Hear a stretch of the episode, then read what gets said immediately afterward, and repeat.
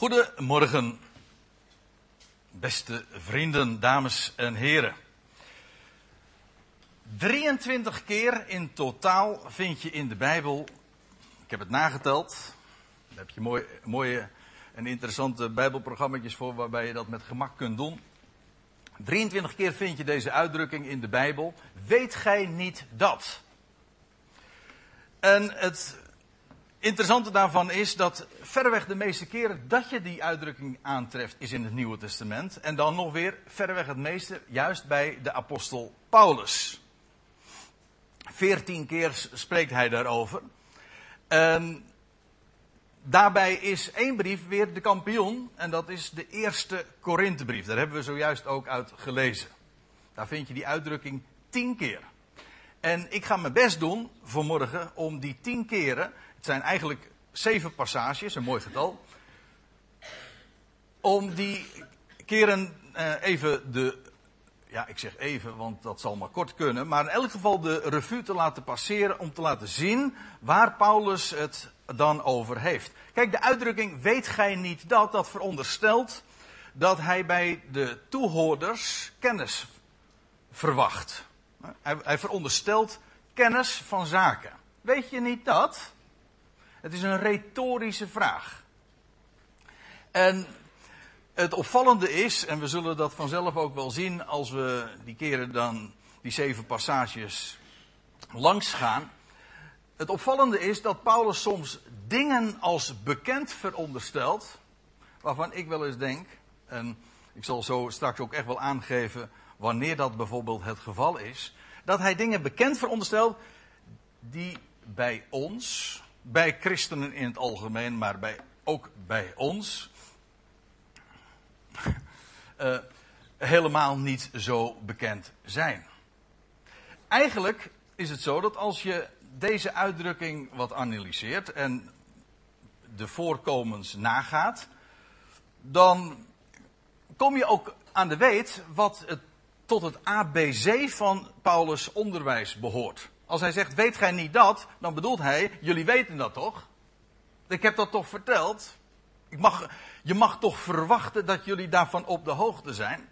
Goed. We gaan uh, maar eens naar die eerste plaats in de Korinthebrief. Dus dat Paulus daarover spreekt. Die uitdrukking, die, dat zinsdeel gebruikt. Weet gij niet dat? En dat is 1 Korinthe 3, vers 16.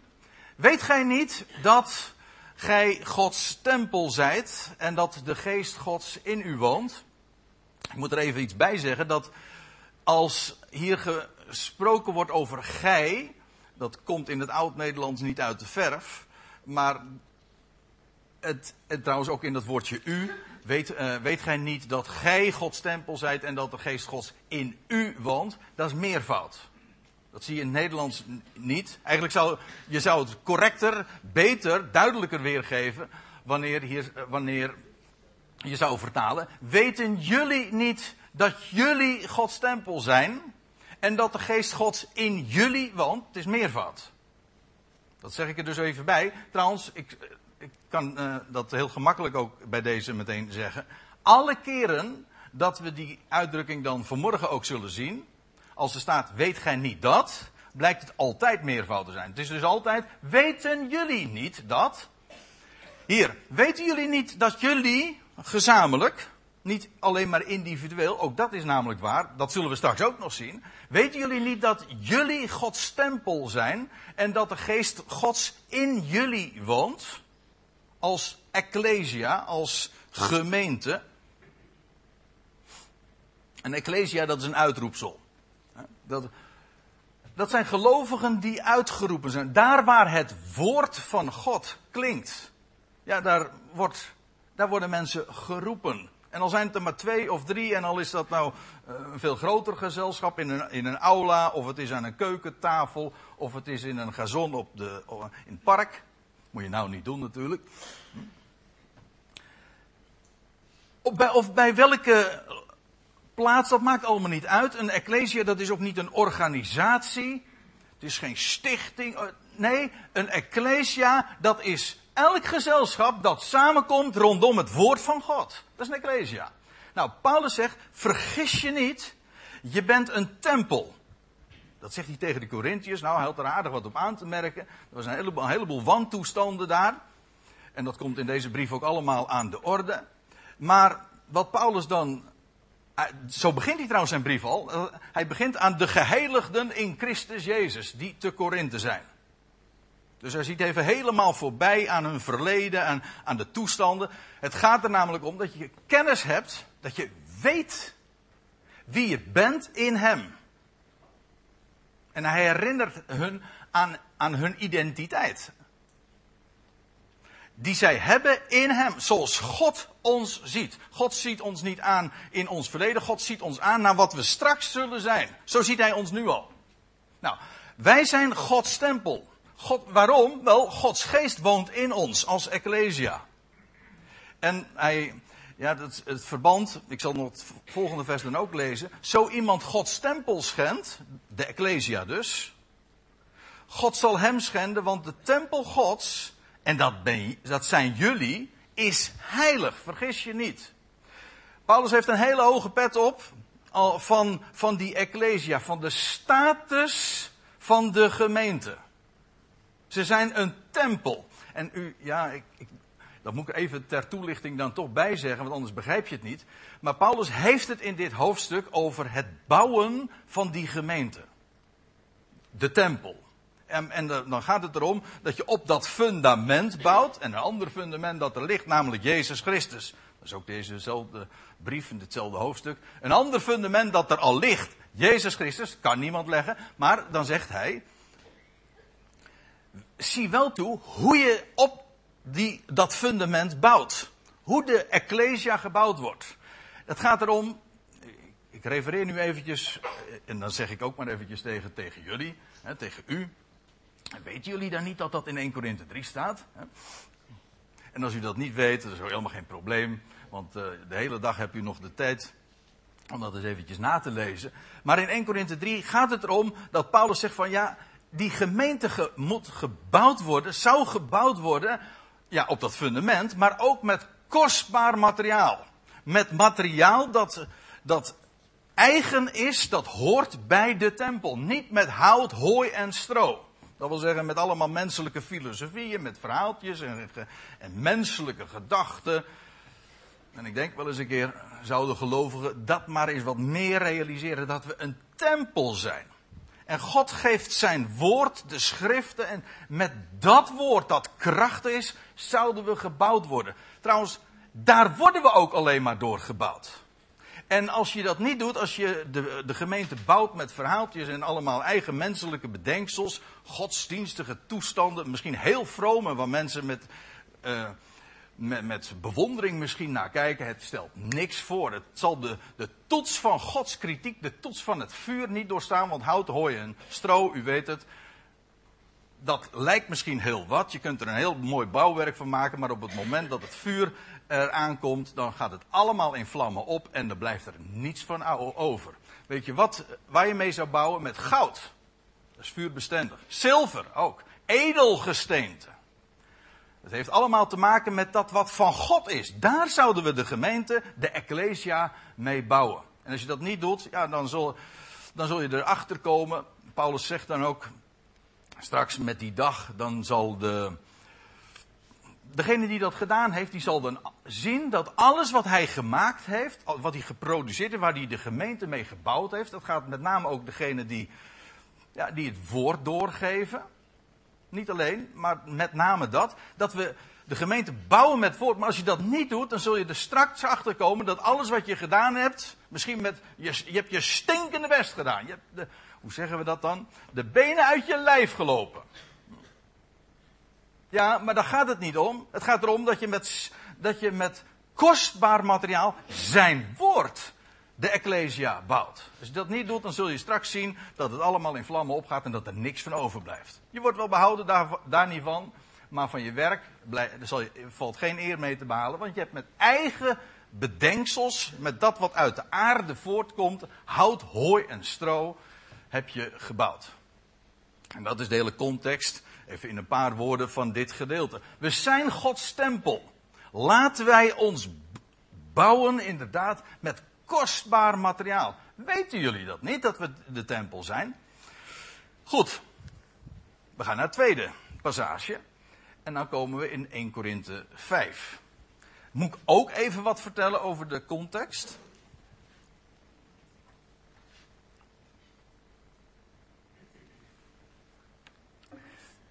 Daar gaat het over dat Paulus, ja, zo begint hij dat eh, hoofdstuk al. Hij zegt, ja, hij zegt, jullie eh, gaan er prat op, we staan in de vrijheid.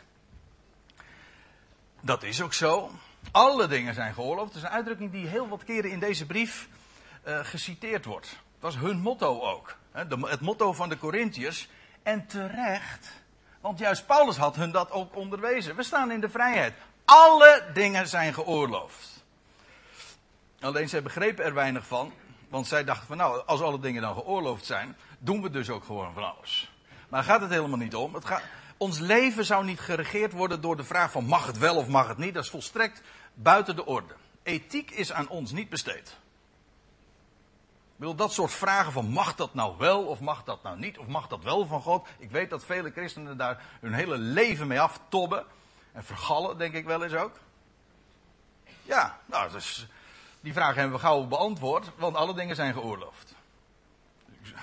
Ik moest eens weten hoe vaak ik ook mailtjes krijg, omdat ik, ik, run een website en krijg heel vaak mailtjes. En, en uh, dan wordt me de vraag voorge, voorgelegd: uh, Vindt u nou ook, uh, mag dat van God? Ja of nee? En dan heb ik ook altijd heel sterk de neiging om dit vers, of die versen, dat dat staat, dat daar, daar zo staat, om dat te citeren. En ik ben daar altijd heel gauw klaar mee. Want als je zo'n mindset hebt, als je zo georiënteerd bent, dan begrijp je het niet. De vraag is, is het nuttig? Bouwt het op? Daar hebben we het weer. Bouwt het, bouwt het de Ecclesia op? Is het tot zijn eer? Kijk, dat zijn vragen die, die ertoe doen. Niet of het mag of niet. Nou, die Corinthiërs, die, uh, daar, daar, was het zelfs zo, daar, daar vond hoererij plaats. Die zelfs onder de natieën ongehoord was. Daar in Korinthe, nou dat was een stad uh, waar, uh, waar de losbandigheid zelfs spreekwoordelijk was. Leven als een Corinthiër, dat betekende een zeer losbandige levensstijl.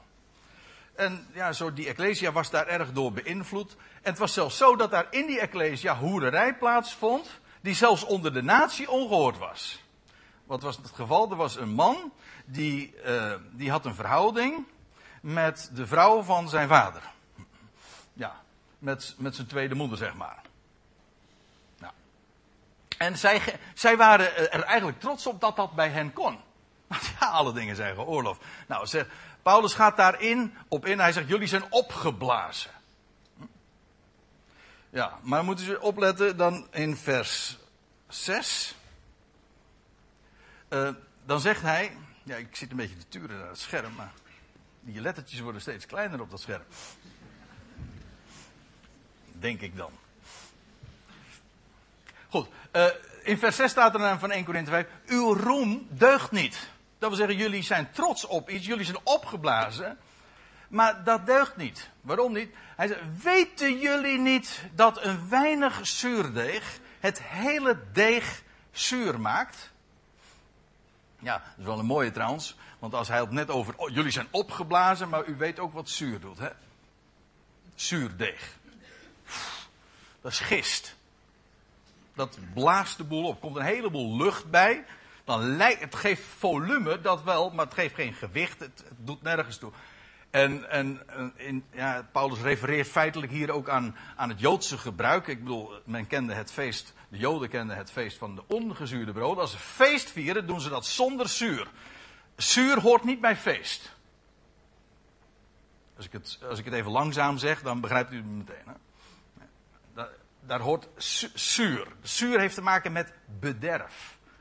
Het is heel, grappig, want wij gebruiken tegenwoordig geen zuurdeeg meer. Je koopt gewoon gist. Maar geest is eigenlijk ook gewoon zuurdeeg. Een stukje deeg van de, van de vorige dag. Dat is eigenlijk wat gist is. Gisteren. Iets van gisteren. Nou, eigenlijk wat Paulus hier zegt. Nee, dat is. Je zit te lachen, maar dat is. U lacht op het verkeerde moment. Dit is waar. het is iets van gist, van de vorige dag. En wat Paulus zegt, ja, maar wij, wij zijn een versdeeg, dat zegt hij ook weer dan in het navolgende vers, dat heb ik nu niet geprojecteerd. Maar wij vieren feest in reinheid. En waar wij vieren, wij zijn geroepen om feest te vieren. En dat zuur hoort daar dus helemaal niet bij. Dat is, wat jullie doen, dat is dat oude leven ophemelen. Iets dat van de vorige dag, van gisteren. Wat, wat aan het bederf blootstaat en wat ook niet, uh, wat van voorbijgaande aard is, want dat is wat bederf ook is. Hè? Het gaat voorbij. Het stinken. Uh, en, als je, en als je het al tot je neemt, hè, het gaat over de datum en dan, krijg je een zuur gezicht. Nou, dat, allemaal, dat heeft daar allemaal mee te maken. Het is iets van, van gisteren. Maar wij zijn niet van gisteren. Nee, dat, wij, zijn, wij zijn mensen van de toekomst. Daar hadden we het al even over. God ziet ons aan naar wat we straks zullen zijn. Hij ziet ons niet aan in het verleden. Dat is heel menselijk, dat weet ik wel. De hele wereld doet dat. We beoordelen altijd elkaar op basis van het verleden. Wie zijn wij? Nou, dan kijk je naar je cv en wat je gedaan hebt en zo. Maar God redeneert, denkt heel anders. Hij ziet ons aan vanuit de toekomst.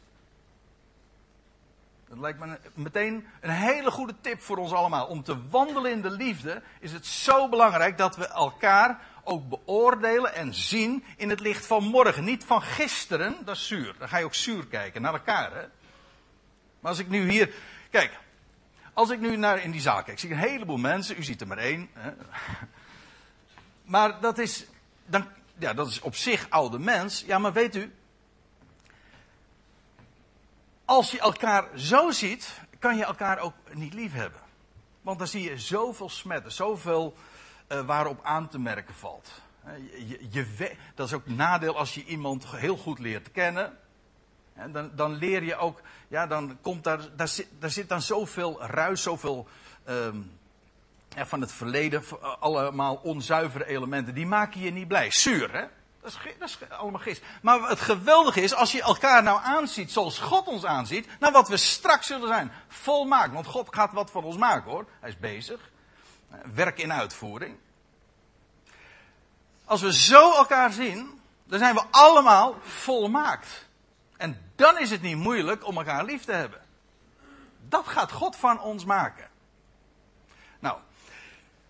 Hij zegt, weten jullie niet dat een weinig zuurdeeg het hele deeg zuur maakt? Daarom, die, denk niet vanuit dat verleden, denk niet vanuit de oude schepping, denk niet uit, van, vanuit dat verderf. Denk erom dat we geroepen zijn om feest te vieren. Met vers deeg. Georiënteerd op morgen, niet op vandaag. Ik kende een broeder, die zei altijd, hij zegt vroeger, hij was uit de wereld tot geloof gekomen.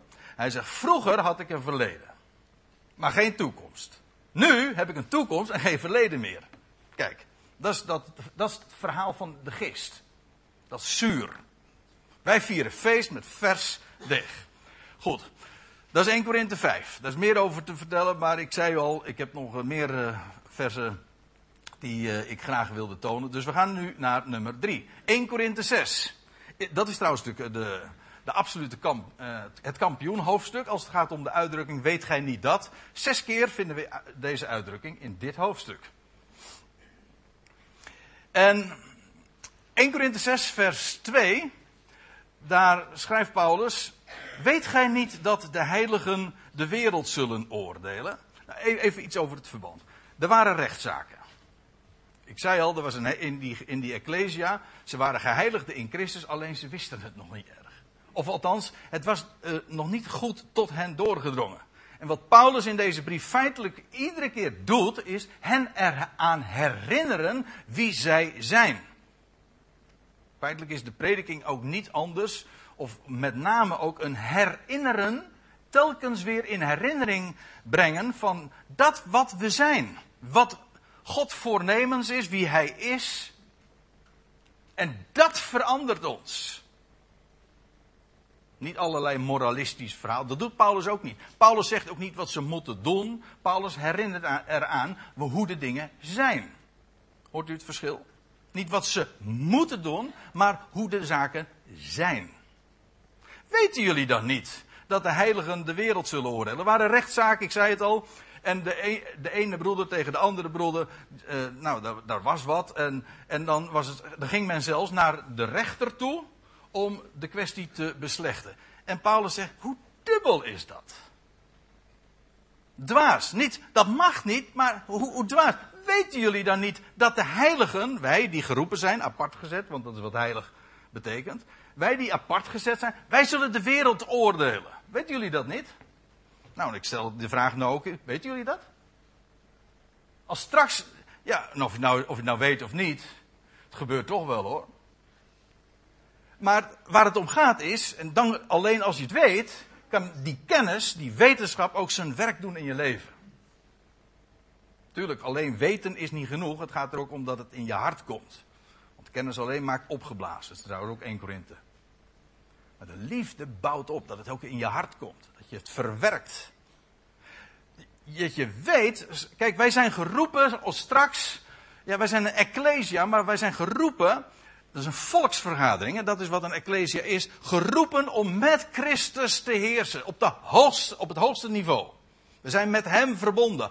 Hoofd en lichaam. Hij zal heersen. Hij zal straks in heerlijkheid verschijnen. En zegt Paulus dan in Colossense 3. Wij zullen met Hem in heerlijkheid verschijnen.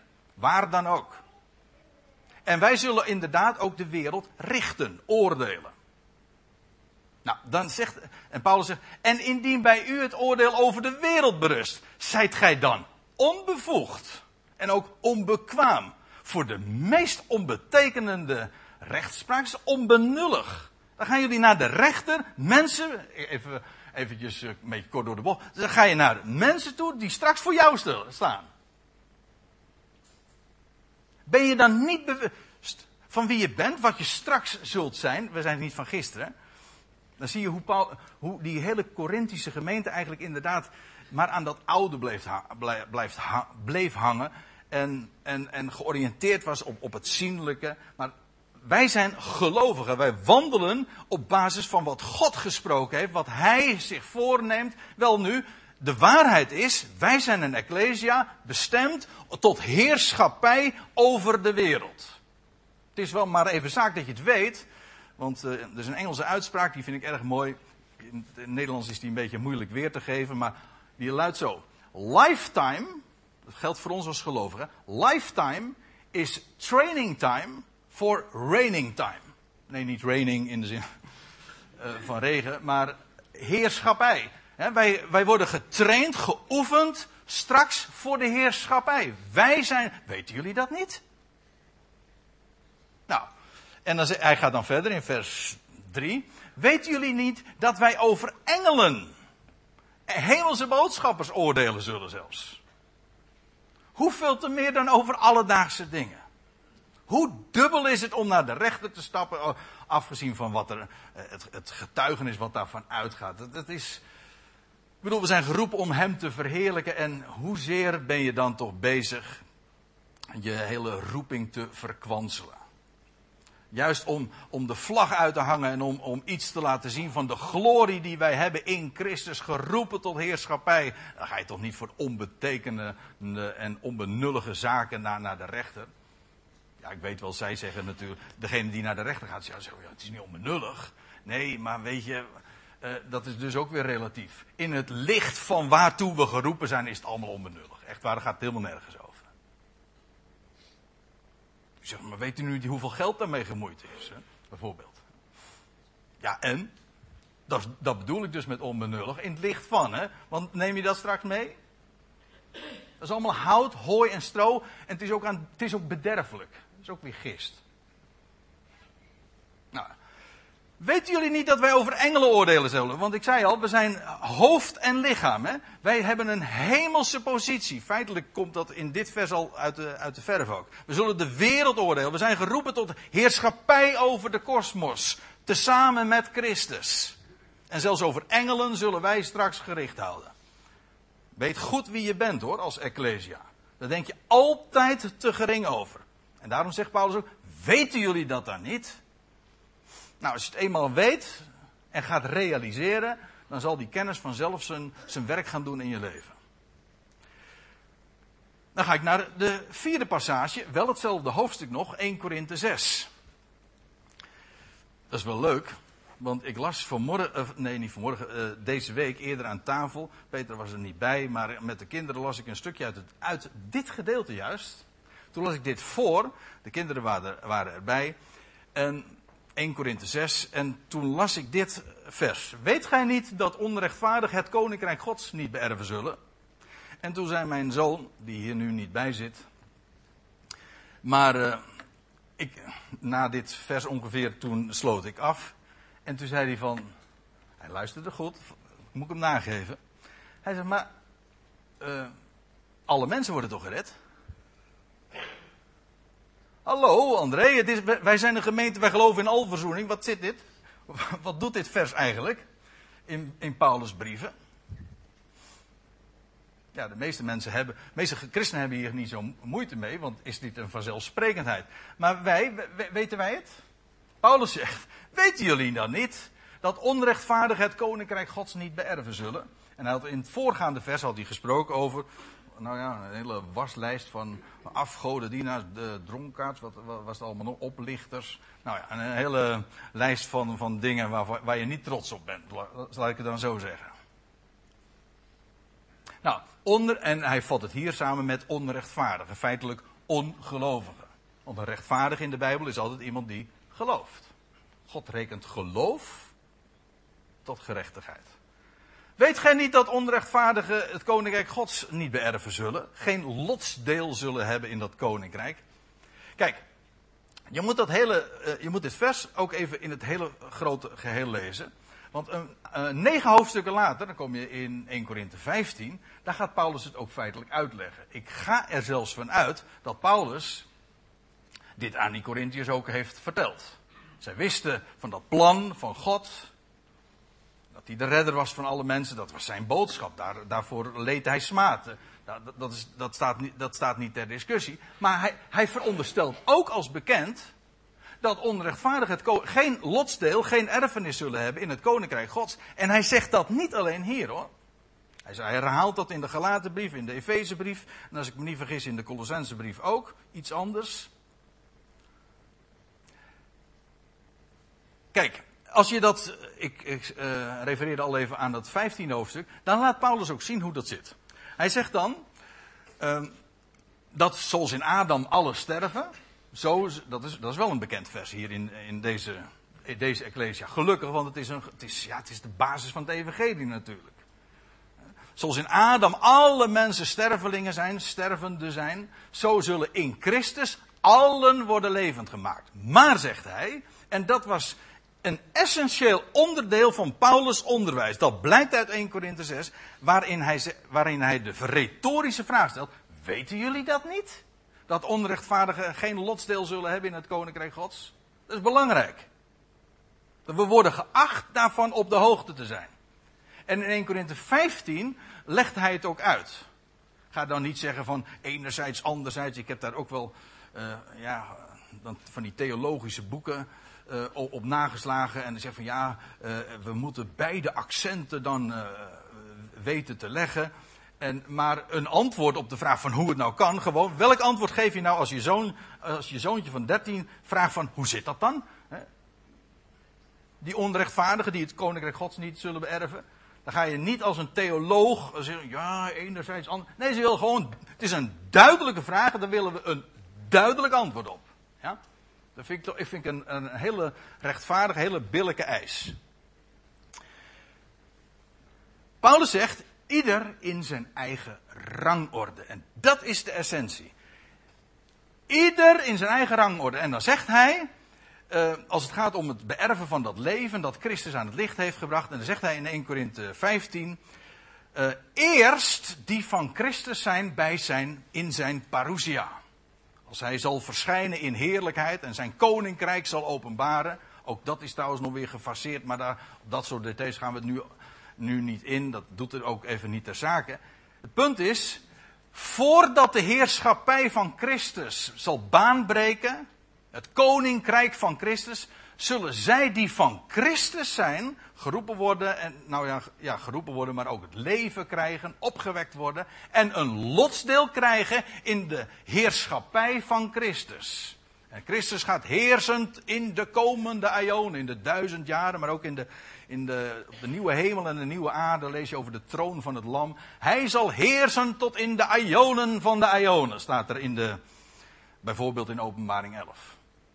Nou, in die heerschappij van Christus, dat koninkrijk God, zullen zij die van Christus zijn, een lotsdeel ontvangen. Een deel krijgen om daarin ook te heersen, een lotsdeel.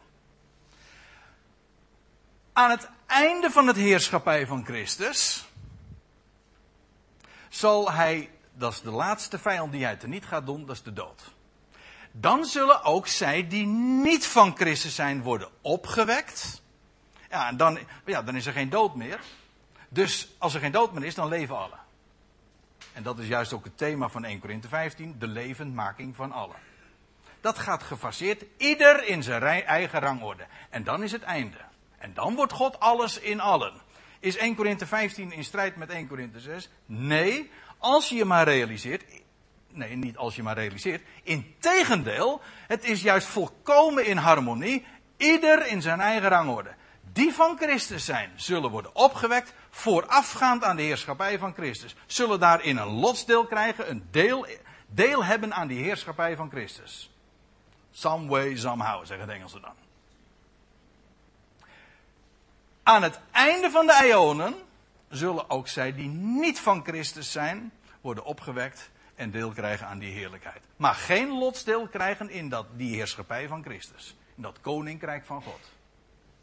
En dan is volstrekt met elkaar in harmonie, het een en het ander. Of mijn dochter, want ik hoef de afgelopen week, waar ik, ik, ik had het er even over dat ik aan tafel dat gedeelte las en dat is dan makkelijk. Mijn dochter gaf even antwoord. Die kon het veel korter zeggen dan ik het nu nog deed. Die zei het in één zin: ja, die, die komen pas later. Nou, dat is, de, dat is zeg maar de fastfood versie. Dus als u het allemaal een beetje te ingewikkeld vond. Maar ik vind, ik vind trouwens wel van belang om dit te weten. Ieder in zijn eigen rangorde. Zij die niet van Christus zijn, zullen geen deel hebben aan het koninkrijk van God. Geen lotsdeel daarin hebben of een erfenis daarin hebben. Van belang, Paulus zegt, weten jullie dat niet? En hij zegt het niet alleen hier, dus we worden geacht dat te weten. Ja. We gaan naar de vijfde schriftplaats. Daar schrijft Paulus, weet gij niet dat is trouwens ook nog 1 Korinthe 6. Dan gaat het over hoererij. Ik, zei, ik zei al, er waren hele toestanden daar in, in, in Korinthe. Hoererij was een, eh, een, eh, een bekend fenomeen sowieso. Iedereen ging maar met iedereen naar bed en had seks met elkaar. Maar ook in de gemeente van, in de Ecclesia van Korinthe uh, konden ze er wat van. En eigenlijk was het ook zo. Uh, men rechtvaardigde dat ook onder het motto: alle dingen zijn geoorloofd. En dat is de helft van Paulus' onderwijs. Ik zei al, hij zegt iedere keer, alle dingen zijn geoorloofd, ja, wis en waarachtig. En dat doet hij dan niet, niet met de tweede, maar het is wel een aanvulling. Het punt is, ook iemand, dan moeten we even goed luisteren wat ik, zoals ik het zeg. Iemand die iets doet, omdat het mag, die is wettisch bezig. Wij denken altijd wettisch, dat is, betekent dat is, je, doet, je doet dingen niet omdat het niet mag. Dat is wettisch. Ja, maar je bent ook wettisch als je dingen doet, gewoon puur omdat het mag. Want dan, ben je, dan denk je nog steeds in de termen van, is het geoorloofd of niet? Nou, het is geoorloofd, dus doe ik het. Maar dat het Paulus' punt is juist in deze brief, daar gaat het niet om, beste Corinthiërs. Of het mag of niet. Het gaat erom, bouwt het op? Is het nuttig? Is tot heer eer van hem? Dat zijn de vragen die ertoe doen. Nou, en dan en in dat verband brengt hij dat dan ook te sprake in 1 Korinthe 6. Ik zei al, ik, ik licht zomaar een paar versen eruit. En dat is altijd wat, uh, wat tricky natuurlijk. Want ja, je moet de, hele, de, de context, de samenhang in ogenschouw nemen. Maar dan zegt hij dit. Weten jullie niet dat uw lichamen leden van Christus zijn? En dan zegt hij, zal ik leden van Christus wegnemen om er leden van een hoer van te maken? Nou, buiten de orde, volstrekt niet. Of in het volgende vers, weten jullie niet dat wie zich aan een hoer hecht, uh, één lichaam met haar is? Want zegt hij, die twee zullen tot één vlees zijn. En dan refereert Paulus weer aan nou, een van de eerste Bijbelhoofdstukken. Als je seks hebt, dan word je één lichaam met ander, seksuele gemeenschap. Maar de Bijbelse gedachte is, dat is liefde. En liefde is eenheid, heeft te maken met trouw. Dat, Gods liefde is niet te koop. God houdt niet van betaalde liefde. Maar dat niet alleen. Het gaat hier niet alleen maar over betaalde liefde. Het gaat erom. De uitdrukking van eenheid is juist ook dat het onverbrekelijk is. Wat God samengevoegd heeft, scheiden de mens niet. Dus het hele idee van seksuele gemeenschap is: het is voor het leven. Weten jullie dat niet? Als je, nou, als je nou zomaar een, zoals wij dat dan noemen, een one-night stand hebt, of, of je, gaat, je hebt seks met iemand. Ja, dat, prima, dat is, dat, is, dat is mooi. Maar de Bijbel zegt: het is voor het leven. Het is voor man en vrouw. Een man zal zijn vader en moeder verlaten, zijn vrouw aanhangen. En die twee, man en vrouw, zullen tot één vlees zijn. Dat is de gedachte.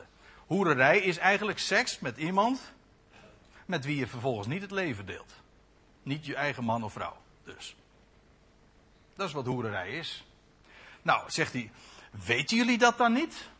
Dat moet je weten. En als je dan nog twee versen verder leest, vers 19. Of weten jullie niet, weer hè, dat diezelfde vraag, dat retorische, van, dat, ik, mag toch, ik mag toch hopen dat jullie daarvan op de hoogte zijn. Weten jullie niet dat, dat uw lichaam een tempel is van de Heilige Geest? Dat is grappig. Eerder zagen wij in de 1 Korinthe 3 dat de, de Ecclesia als geheel, als totaal een tempel is. Maar hier wordt gesproken over de individuen, gelovigen, afzonderlijk. Mijn lichaam is een tempel. Waarom? Dat zou je niet zeggen als je er zo naar kijkt. Nee, maar het gaat erom wie erin woont. Waarom is het een tempel? Nou, God woont erin. Zo simpel is het. Er staat er ook, weet u niet dat uw lichaam een tempel is van de Heilige Geest, die in u woont? En daarom ben, ben je een tempel, die gij van God ontvangen hebt. En dat je dus niet, ook, ook niet van jezelf bent. Hij is onze Heer. Je bent niet van jezelf, je bent voor zijn rekening. Nou, weet je dat dan niet? Dat is, het is toch dubbel om dan vervolgens je. Dat is weer, ook weer dat gisteren, dat van gisteren, dat oude leven, dat voorbijgaande, de bederfelijke. Om dan je vervolgens over te geven aan hoererij. En de, de toestanden die er toen in Korinthe waren, feitelijk hebben we, ja, wij leven ook in zo'n maatschappij alles, alles, alles kan. Wij, wij hebben daar ook geen idee meer van. Losbandigheid wordt gepromoot. Ja, ik vind het trouwens niet zo gek hoor, want dat is de, de hele filosofie van de mens. We stammen af van de apen en er is geen God die, de, die, het, die een, een, bestemming voor ons heeft. Dus ja, wie zal nou zeggen wat goed of wat niet goed is? Van een God die het huwelijk heeft ingesteld met een bepaald oogmerk. Daar hebben ze geen idee van. Nee, maar wij wel. Althans, dat mag ik aannemen. En Paulus herinnert hen daar gewoon aan. Niet door te vertellen, nogmaals, door te vertellen wat ze moesten doen of wat ze niet moesten doen. Hij zegt, weten jullie niet? En elders zegt hij in ditzelfde, dezezelfde brief, ik spreek als tot verstandige, beoordeel zelf wat ik zeg. Niet als een last die hen opgelegd wordt, maar ter herinnering. Ja, en seks, laat ik dat er dan nog even tenslotte bij zeggen, is een heilige zaak. Waarom? Het is door God bedacht. Het is een geweldig groot God. Daar hoef je ook helemaal niet moeilijk over te doen. Dat is natuurlijk wel heel. Het, hele christelijke gedachtegoed in de loop der eeuwen is altijd eigenlijk vies. En uh, daar praat je niet zo over. Nou, de Bijbel spreekt er gewoon recht toe, recht aan over. Dat lijkt mij een hele goede zaak. Seks is iets is door God bedacht er is een uitdrukking van goddelijke waarheden van de man, de schepper, die de schepping lief heeft en één met haar wordt. Die nieuw leven verwekt in de vrouw, de schepping. Nou ja, ik zal nu niet daarin over in details treden, maar dat is schitterend plaatje. Wat in de seksualiteit uitgebeeld wordt van Gods weg. En daarin, dat is pure expressie van wie hij is en wat hij uh, van plan is. Nou, en Paulus zegt, weten jullie dat niet? We gaan naar het zesde voorbeeld. En ik zie dat uh, de tijd dat eigenlijk niet meer toelaat. Dus ik uh, lees het eigenlijk alleen maar eventjes voor. Uh, om dat nog te bespreken. Want ik wil, ik wil namelijk afsluiten met, met, dat, met dat zevende. maar goed, ik, lees, ik, ik, wil het toch even voorgelezen hebben. 1 Korinthe 9, dat, die, die moet kort dus. Weten jullie niet dat zij die in het heiligdom de dienst verrichten, van het, van het heiligdom ook eten? En zij die het altaar bedienen, hun deel ontvangen van het altaar? Even kort. Paulus zegt hier, hij refereert hier aan de, de wijze hoe God het geregeld had in het Oude Testament. Degenen die in het heiligdom in de tempel dienden, die aten daar ook van. Die leefden daarvan, of ze nou leviet waren of priester.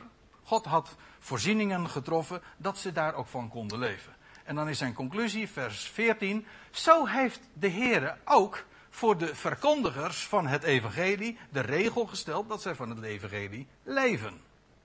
Normaal, zo, het is nooit anders geweest. God zorgt voor degene die dat uh, doorgeven.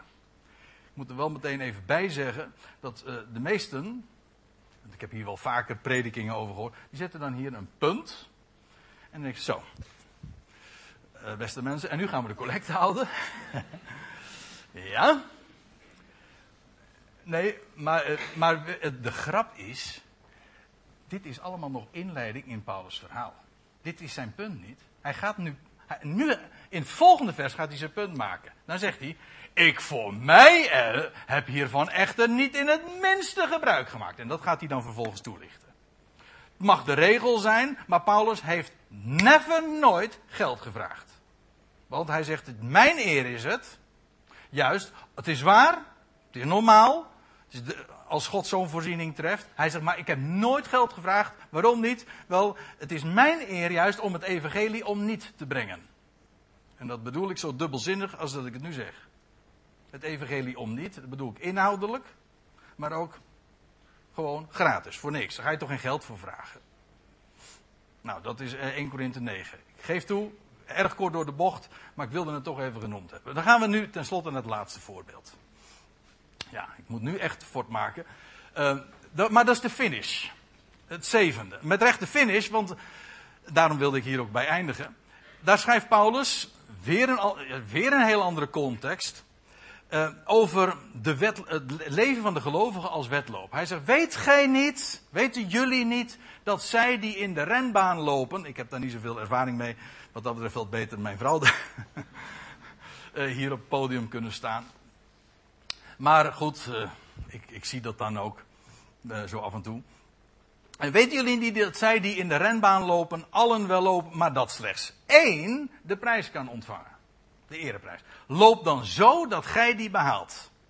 Het idee hierbij is niet dat van alle gelovigen er maar één is die de prijs behaalt. Nee, het punt is, hij zegt, loop zo dat jij die behaalt. En het hele idee bij die renbaan is, is niet dat wij je, zou haast in dit verband zeggen van dat je het vuur uit je sloffen loopt. ja, maar nou even wat anders. Want het gaat er juist om dat iemand die in die renbaan loopt, die heeft maar één ding voor ogen. Uh, iemand die sowieso met sportieve activiteit, ik zei eigenlijk, ik spreek niet zo uit ervaring, maar die heeft maar één focus. Namelijk dat doel, die prijs. En hij ziet af, het is met, uh, met recht afzien, af van alle anderen. Dat is volstrekt ondergeschikt. Nou, wat Paulus, wat Paulus laat zien, ons leven als gelovigen, daar gaat het maar om één ding. En dat is dat wat hij in ons leven kan en wil doen. En bij machten is te doen. Dat is die prijs trouwens ook. Die prijs, dat is het, die is alleen maar bestemd voor degene die het beste behaald heeft. En u zegt van, maar André, dit klinkt mij erg uh, wettisch, of in ieder geval iets in de oren van dat wij dan toch weer aan het werk zouden moeten. Maar weet u, het punt is, dat beste wordt uitgeloofd voor ook de beste prestaties. Maar wie zou nou de beste prestaties in ons en door ons leven kunnen doen? Dat is Hij. Uiteraard. Dat is trouwens ook 1 Korinthe 15. Ik heb, Paulus zegt, ik heb meer gearbeid dan zij allen. Maar zegt hij, niet ik, maar de genade Gods die met mij is. Wel met twee woorden spreken. Hè? En daar gaat het om. Het gaat erom wat Hij bij machten is te doen in mijn leven. Dat ik daar mijn ogen op gericht heb. En al het andere, mezelf in kluis, ook de, wat mensen zeggen, dat is niet interessant. Hij is dat doelwit. Hij spreekt er ook over in andere, eh, andere schriftgedeelten. En afzien van al het andere. En dan doet Hij zijn werk in ons. Zo dan, mijn broeder, zegt hij, wees stand, standvastig. Dat is trouwens ook 1 Korinthe. Onwankelbaar. Overvloedig in het werk van de Heer. Dat wil zeggen in het werk dat Hij doet. Hoe? Wel door te staan op, dat, op die basis, dat fundament dat Hij gelegd heeft. Door te zien op dat wat Hij kan in mijn leven. En Hij levert de allerbeste prestaties. En straks zal dan ook blijken dat daar die prijs is. Dat is dat goud. Wat Hij uitlooft. Dat wat Hij heeft kunnen doen in ons leven. Daar was Paulus' leven helemaal op georiënteerd. En hij zegt: Van jullie ook? Weten jullie dat dan niet? Amen.